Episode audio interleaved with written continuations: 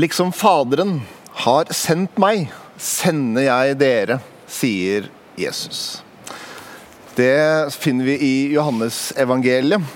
Og Jesus var sendt til verden. Og vi skal få lov til å bli inspirert av han lærer. Han er vår kraft, han er jo vår, vår frelser. Og i vårt arbeid så må vi også se på hva Jesus gjorde. Når vi ser på det, så ser vi at han eh, underviste, han forkynte, han møtte mennesker én til én. Han inviterte til sin frelse. Han talte foran mange. Men så så han også menneskers nød. Han hadde omsorg for menneskers liv. Han gjorde frisk. Han leget. Han møtte nøden. Og i vårt arbeid så henger dette veldig sammen. Eh, den store kirken i Etiopia, Mekaniesuskirken, har nå rundt 10 millioner medlemmer. Og på 70-tallet så sendte de et brev til alle de lutherske kirkene. Et form for hyrdebrev, kan vi kalle det. Og I dette brevet så skriver de at både diakoni og evangelisering er en integrert del av kirkens liv. De har sammenligna dette med en fugl. Altså Du trenger to vinger for å fly. Både diakonale og det evangeliserende delen av kirkens liv. Kirken skal tjene hele mennesket.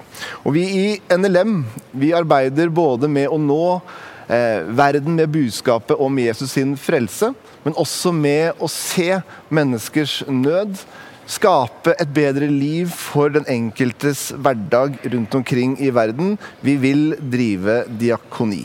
Vi vil være et lys inn i verden på mange måter. Derfor skal vi snakke om det nå de neste 20 minuttene. Og jeg er veldig veldig glad for at vi har fått med oss Dag Inge Ulstein, utviklingsminister i Norge. Velkommen. Du, så kjekt. Ingen bedre å ha her til å snakke om dette temaet. Det er så godt, da. Kjempe... Men du, jeg må først bare sånn Du har nå 20 sekunder på deg, ja. fordi vi har litt dårlig tid. Så si hvem er du? Du, Jeg vokste opp på Sunnmøre, litt av ute forbi Ålesund. Ehm, så bor jeg egentlig i Bergen, ehm, men nå holder vi til i Oslo sammen med familien min Inger og fire barn. Iver, som er minst, skal begynne første klasse om et par uker. Snorre, Ulrik og Elle som er på ungdomsskolen. Så det er livet på 20 sekunder. Oslo, funker det, funker det, greit, eller? Det er jo ikke så bra som, som, Vestlandet, det må jeg jo bare si. Men det har gått veldig mye bedre enn en kunne frykta. Nei, det er fint i Oslo. Det er mye kjekt der, altså. Det er, det er jo fine folk der, da. Der også. Det er akkurat. Ja, ja, ja. ja. og, og, sommerferien, den har fungert helt, helt fri, du? Nei, det har jo vært, det har vært, litt annerledes. Det har det vært for veldig mange, tror jeg. Eh, det er jo ikke noe som er sånn som det bruker å være. Men jeg har fått tid med familien, med både med foreldrene mine og med har vært på telttur og fjelltur, men så tar jo ikke pandemien ferie. Så det har jo vært, eh, vært mye jobbing rundt det òg. Vaksine som det blir diskutert mye. Det er jo mange land som ikke har fått det eneste vaksine ennå, så det har vi jobba en del med. Ja. Så du har et stort engasjement for verden, å gjøre noe med verdensnød. Mm. Et stort engasjement for å være et lys i verden. Mm. Hvordan har dette engasjementet vokst opp hos deg, og, og hva har Jesus betydd? Mm. At det har vokst frem? Jeg tror han har begynner egentlig med oppveksten av denne bygda på Sunnmøre. Fordi eh, foreldrene mine og familien de flytta faktisk til den bygda sammen med et annet eh, par for å drive barne- og ungdomsarbeid. Altså, de så det som et, som et kall, som, som en oppgave som var viktig. Og det er klart at det har satt mye retning da, for livet, betydd mye. Eh, og jeg er veldig glad for, for, det som jeg har fått med meg der også.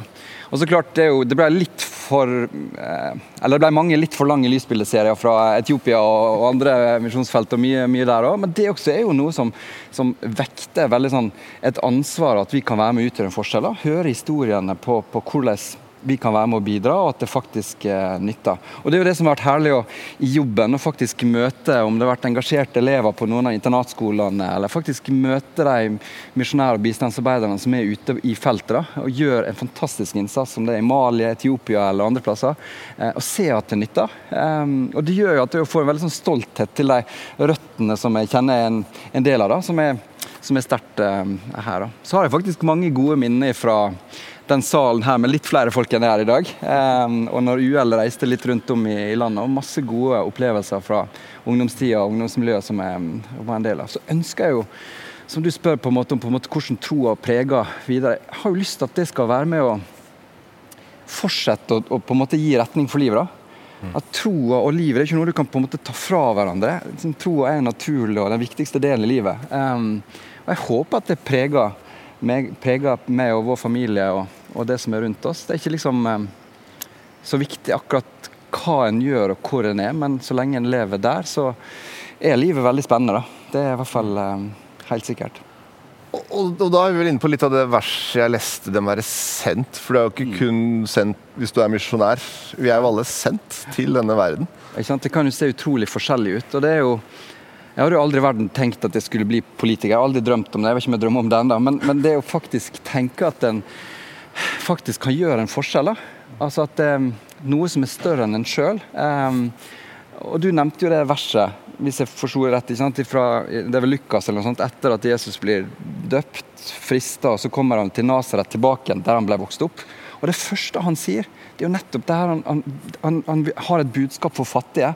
Han vil sette undertrykte fanger fri, blinde syn igjen. Og det er jo noe av det jeg kjenner som kaller liksom, som jeg hører fra både oppvekst og de sterke historiene med å nå de unådde, og nå de som er vanskeligst å nå. Og Det er noe jeg ønsker skal være med å liksom, drive mine prioriteringer i dag òg, i den jobben jeg har. Um, så, um, så, det er et eller annet som henger veldig tett sammen her. Hvis vi, hvis vi, snakker litt om hvordan eh, verden ser ut, og hva vi kan gjøre. Eh, er det mulig å si med få ord noe om verdens nød?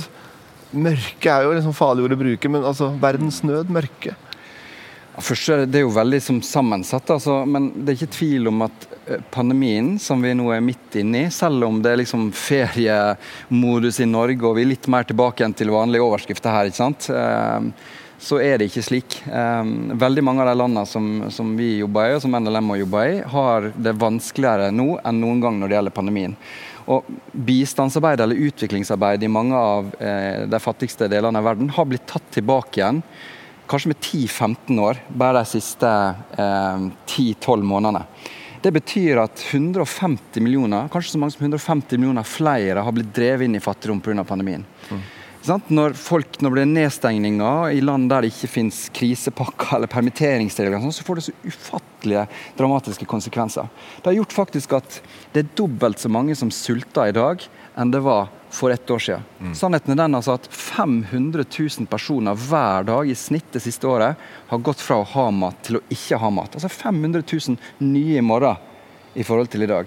Så det er ekstremt dramatisk. Og ta utdanning, da. Um, så er det jo en ting her når ikke vi har kunnet gått på skole og vi har hatt digital undervisning, men veldig mange plasser så har jo ikke muligheten til det. Og En del rapporter som kommer inn nå, sier at i noen land, altså opp mot halvparten av jentene i en del land ikke kommer tilbake igjen på skolen når de åpner opp igjen. Barneekteskap har eksplodert. Tenåringsgraviditeter. Seksualisert vold. Um, og Det betyr, ikke sant, ja, det er mye som er mørkt, men da betyr det at vi har et kjempeansvar å engasjere oss og gjøre noe for å, for å gjøre at vi kan komme så raskt som mulig tilbake igjen. Um, så, um, så, det kjenner jeg at jeg blir veldig engasjert for. i hvert fall. Fordi det, det siste vi må miste, er jo håpet. Mm. At vi faktisk kan bety en forskjell. Være et lys i verden. Og, og det har vi også et, et gudsord på at vi skal. Skal ikke miste det håpet om å bety en forskjell. Og, mm. og, jeg tror vi begge to har sett at diakoni, eller, eller bistand, hva ord man bruker på det, fungerer. da. Mm. Altså, jeg har minner fra Etiopia. Da, da, måtte jeg inn og besøke en sånn fødestue. Det syns jeg faktisk var litt kleint, det skal jeg innrømme. Mm. Men det var veldig sterkt å komme der og se at det, vi, det man har jobba med gir en trygghet for de fødende kvinnene og barna som blir født. Ja. Men du også har vel sett det ja, på nært hold, altså. hvordan Kirkens rolle er viktig i å gi hjelp. Vi har sett det veldig tydelig, spesielt egentlig det siste halvannet året. Fordi at når land stengte ned og veldig mange trakk seg ut, hvem var det som var igjen i mange av de områdene? Jo, nettopp så var det kirkene, trosbaserte nettverk. Eller no, mange land så er det jo det som er egentlig nettverkene i de landene, som driver skoler, driver helsetilbud og annet. Som gjennom lokale partnere, organisasjoner som eh, bistands- og, og, og, kirke og andre driver, så har en vært til stede og gjort et utrolig viktig arbeid. Og akkurat sånn som du sier, da, det nytter. Eh, når norske helsearbeidere engasjerer seg og gir av sin kompetanse. Jeg har et eksempel fra India der en halverte barnedødeligheten bare på få år gjennom at norske sykepleiere var med og engasjerte seg inn i helsetilbudet der. Og Sånn er det utallige eksempel på hvordan norsk utviklingssamarbeid og bistand, og diakoni, da, som du sier, faktisk nytter. Det nytter, altså. Ja. Og det må vi bare holde fast på. Virkelig. og så vet vi også, det, det var du inne på, dette med skole. altså at, dette at eh, Kvinner og barn er kanskje ofte de som lider mest Mm. i verden. og og det, Dette er en ungdomskonferanse. som mange ungdom rundt omkring som, som lider. Jeg har, et av mine sterke møter har vært på internater i Mongolia. altså det å hjelpe, Der blir man jo sendt på internat fra man er sånn seks år og kanskje ikke hadde egen seng. og Det å liksom bidra der, det å se barn og unge Hvordan har ditt møte vært med, med barn og unge, og, og, og hva kan man gjøre for, å, for å hjelpe? Vet du hva Det sterkeste er jo barn og unge sitt engasjement til å ville være med å forandre og prege sin egen lo lokalsamfunn og være med å bidra, om det er i klimakampen eller om det er for å gi rettigheter til, til jenter, skolegang eh, osv. Så, videre. så Så det er det, liksom det sterkeste som sitter igjen. Og så er det jo som du sier, da, om det er de som blir rammet av klimaendringene, de som nå lever med sult, de som blir drevet inn i barnearbeid eller tvangsekteskap. Det er jo barn som blir aller hardest ramma, som er mest sårbare. Ta det med moderne slaveri. Vet at det er mange som er engasjert for det. Sant? Det har aldri noen gang i verdenshistorien vært flere slaver enn det er i dag. Over 40 millioner. Og De fleste tenker jo at det er noe som hører til i historiebøkene, og så rammer det kvinner og barn aller mest. Så eh, igjen, vi har et kjempeansvar da, å løfte stemmer for de som ikke har en stemme. De som blir usynliggjort. Eh, og ikke minst vi som er så privilegerte, som lever her. Kanskje på et av de aller ja, beste plassene å vokse opp eh, på verden i dag. Um, så, um, så det er viktig, altså. Ja. Hva tror du på mange måter blir liksom satsinga fremover for, for, altså for norsk bistand, kan du si, da, for å bruke det Hva blir viktig nå, satsingen, du var litt inne på det, men hva blir de viktige satsingene fremover på det? Altså, jeg tror jo det er kjempeviktig at vi klarer å håndtere pandemien. Ikke bare tenke liksom at så lenge vi er vaksinert, så er alt greit, og så kan vi kjøre i gang igjen med livet sånn som det var før. Eh, For det kommer ikke til å skje. Det er en pandemi, det er ikke et lokalt utbrudd. Så det med vaksinering også i mange av de lavinntektslandene blir kjempeviktig. Det er en veldig urettferdighet, en skjevfordeling der. Um, og til syvende og siste vil jeg kunne ramme oss sjøl her òg. Så, så her er det jo både solidaritet og egentlig våre egeninteresser som, eh, som, som er viktig. Men det som jeg snakker om med skolegang, det jeg tenker jeg er utrolig viktig. Um, unge som vokser opp nå, gir dem skole, kanskje et av de viktigste utviklingsverktøyene vi har. Det med å skape jobber. En stor, ung befolkning i mange lavinntektsland. Det afrikanske kontinentet Før pandemien så tenkte du 20 millioner nye arbeidsplasser hvert år bare for å holde tritt med befolkningsveksten.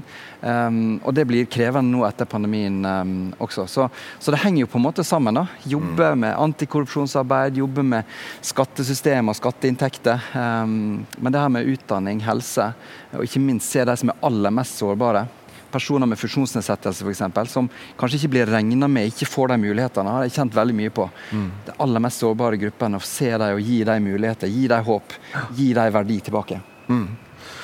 Det er utrolig, utrolig flott jeg tenker på den jobben du gjør, og vi kan få lov til å være med på, som gjøres gjennom alle organisasjoner og kirker mm. og det nettverket som er.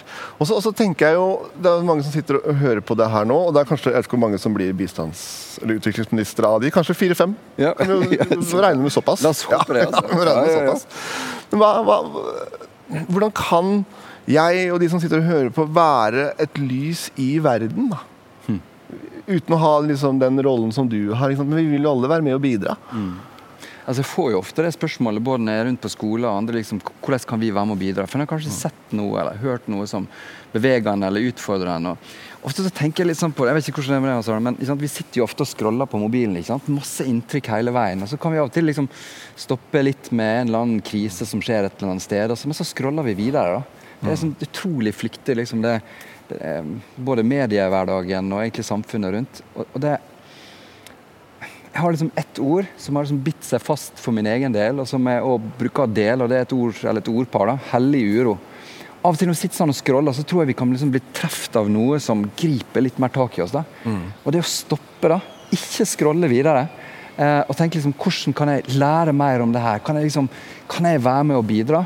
Så er ikke det nødvendigvis akkurat hva rolle, eller liksom at du finner akkurat den rette tingen der og da, men at du liksom blir lar den nøden eller det du blir utfordra på, være driver, da, gi retning i livet. Eh, kanskje for studievalg, kanskje for et engasjement eller en jobb. Eller, så kan du kanskje se det tilbake igjen litt senere i livet og se at det var en sånn tydelig retning der du fikk være med å betyr noe for andre. Og jeg tror at Hvis du stopper, da, hvis du lar denne hellige uroa prege deg, så kan det bety utrolig mye for en sjøl, mm. men det kan bety alt for noen andre. Det kan være med å redde liv, det kan være med å ja, bety enormt mye for andre. Så det er kanskje den utfordringa eh, jeg har. Å mm. kjenne på det og våge å stå i det.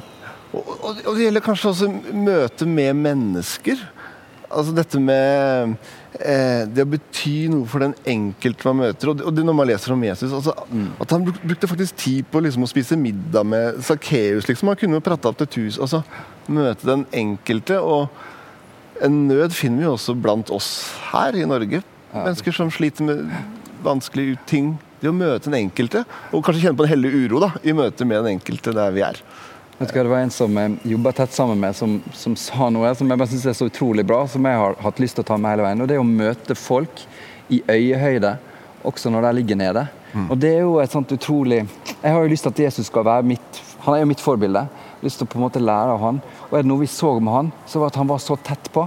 At til og med når folk lå nede, så var han så tett på at han møtte dem i øyehøyde. Og det er noe med den verdien og den verdigheten og, og det som jeg ønsker skal prege livet mitt. da, Og som er så bra, sånn som du begynte. å Mm. Og det kan gjelde oss alle, mm. akkurat det der. Mm. Um, kan, kan, jeg spørre deg om er, Tenker du på det oppgaven du har som et Guds kall? Det er litt sånn som jeg sa til å begynne med, fordi at livet og troa, det, det henger sammen. Så det går ikke an å ta det ut, troa ut. og det så for meg så er det en naturlig del. Altså jeg ønsker å følge, følge Jesus. Jeg, jeg, tror på han. Um, og da er det livet. Og så har jeg aldri tenkt at jeg skulle være der jeg er i dag, men, men nå er jeg der, og så ønsker jeg å virkelig gi alt jeg har. Um, og bruke hver eneste dag så godt jeg bare kan. Um, og hvis noen ja, kan kalle det et kall, helt åpenbart, men jeg har aldri sett for meg liksom at det der var en vei jeg skulle gå. Uh, og så veit jeg ikke hvor det blir videre heller. Mm. Og det er vel kanskje det vi kan si til alle som hører på, at kallet er nettopp den dagen jeg har i dag. Mm. Som jeg har fått, og hva kan jeg bety for de jeg møter. Familie mm. osv. osv. Og gjøre det denne dagen til en velsignelse for andre og til Guds ære. Mm. Ja. Eh, jeg er utrolig glad for at du har den rollen du har, og at du står i det. Og at du vil også dele med oss. Eh, og jeg har Husk på Dag Inge i bønn. Eh, ta med dere i deres bønner og den viktige oppgaven. Nå kunne jeg avslutta med å, å bedt for deg, men jeg, tror jeg har liksom lyst til at vi skal be for alle. og for meg, og Jeg ble liksom inspirert når jeg hørte bønnen av Frans. Frans av Assisis. Kanskje vi skulle bare avslutta med den, og latt det bli en bønn for oss alle. Alle blir med i den bønnen. Eh, ja, det kunne være en fin avslutning. Mm. Eh, skal jeg finne fram? Da ber vi den bønnen til slutt. La meg bringe kjærlighet der hatet rår. La meg bringe forlatelse der urett er begått. La meg skape enighet der uenighet rår. La meg bringe tro der tvilen rår. La meg bringe sannhet der villfarelse rår. La meg bringe lys der mørket ruger. La meg bringe glede der sorg og tyngsler rår. Og mester, la meg ikke søke så meget å bli trøstet som å trøste. Ikke så meget å bli forstått som å forstå. Ikke så meget å bli elsket som å elske. For det er gjennom at man gir, at man får. Det er ved å glemme seg selv at man finner seg selv. Det er ved å tilgi andre at man selv får tilgivelse. Det er ved å dø at man oppstår til det evige liv. Amen. Tusen takk, Dag Inge.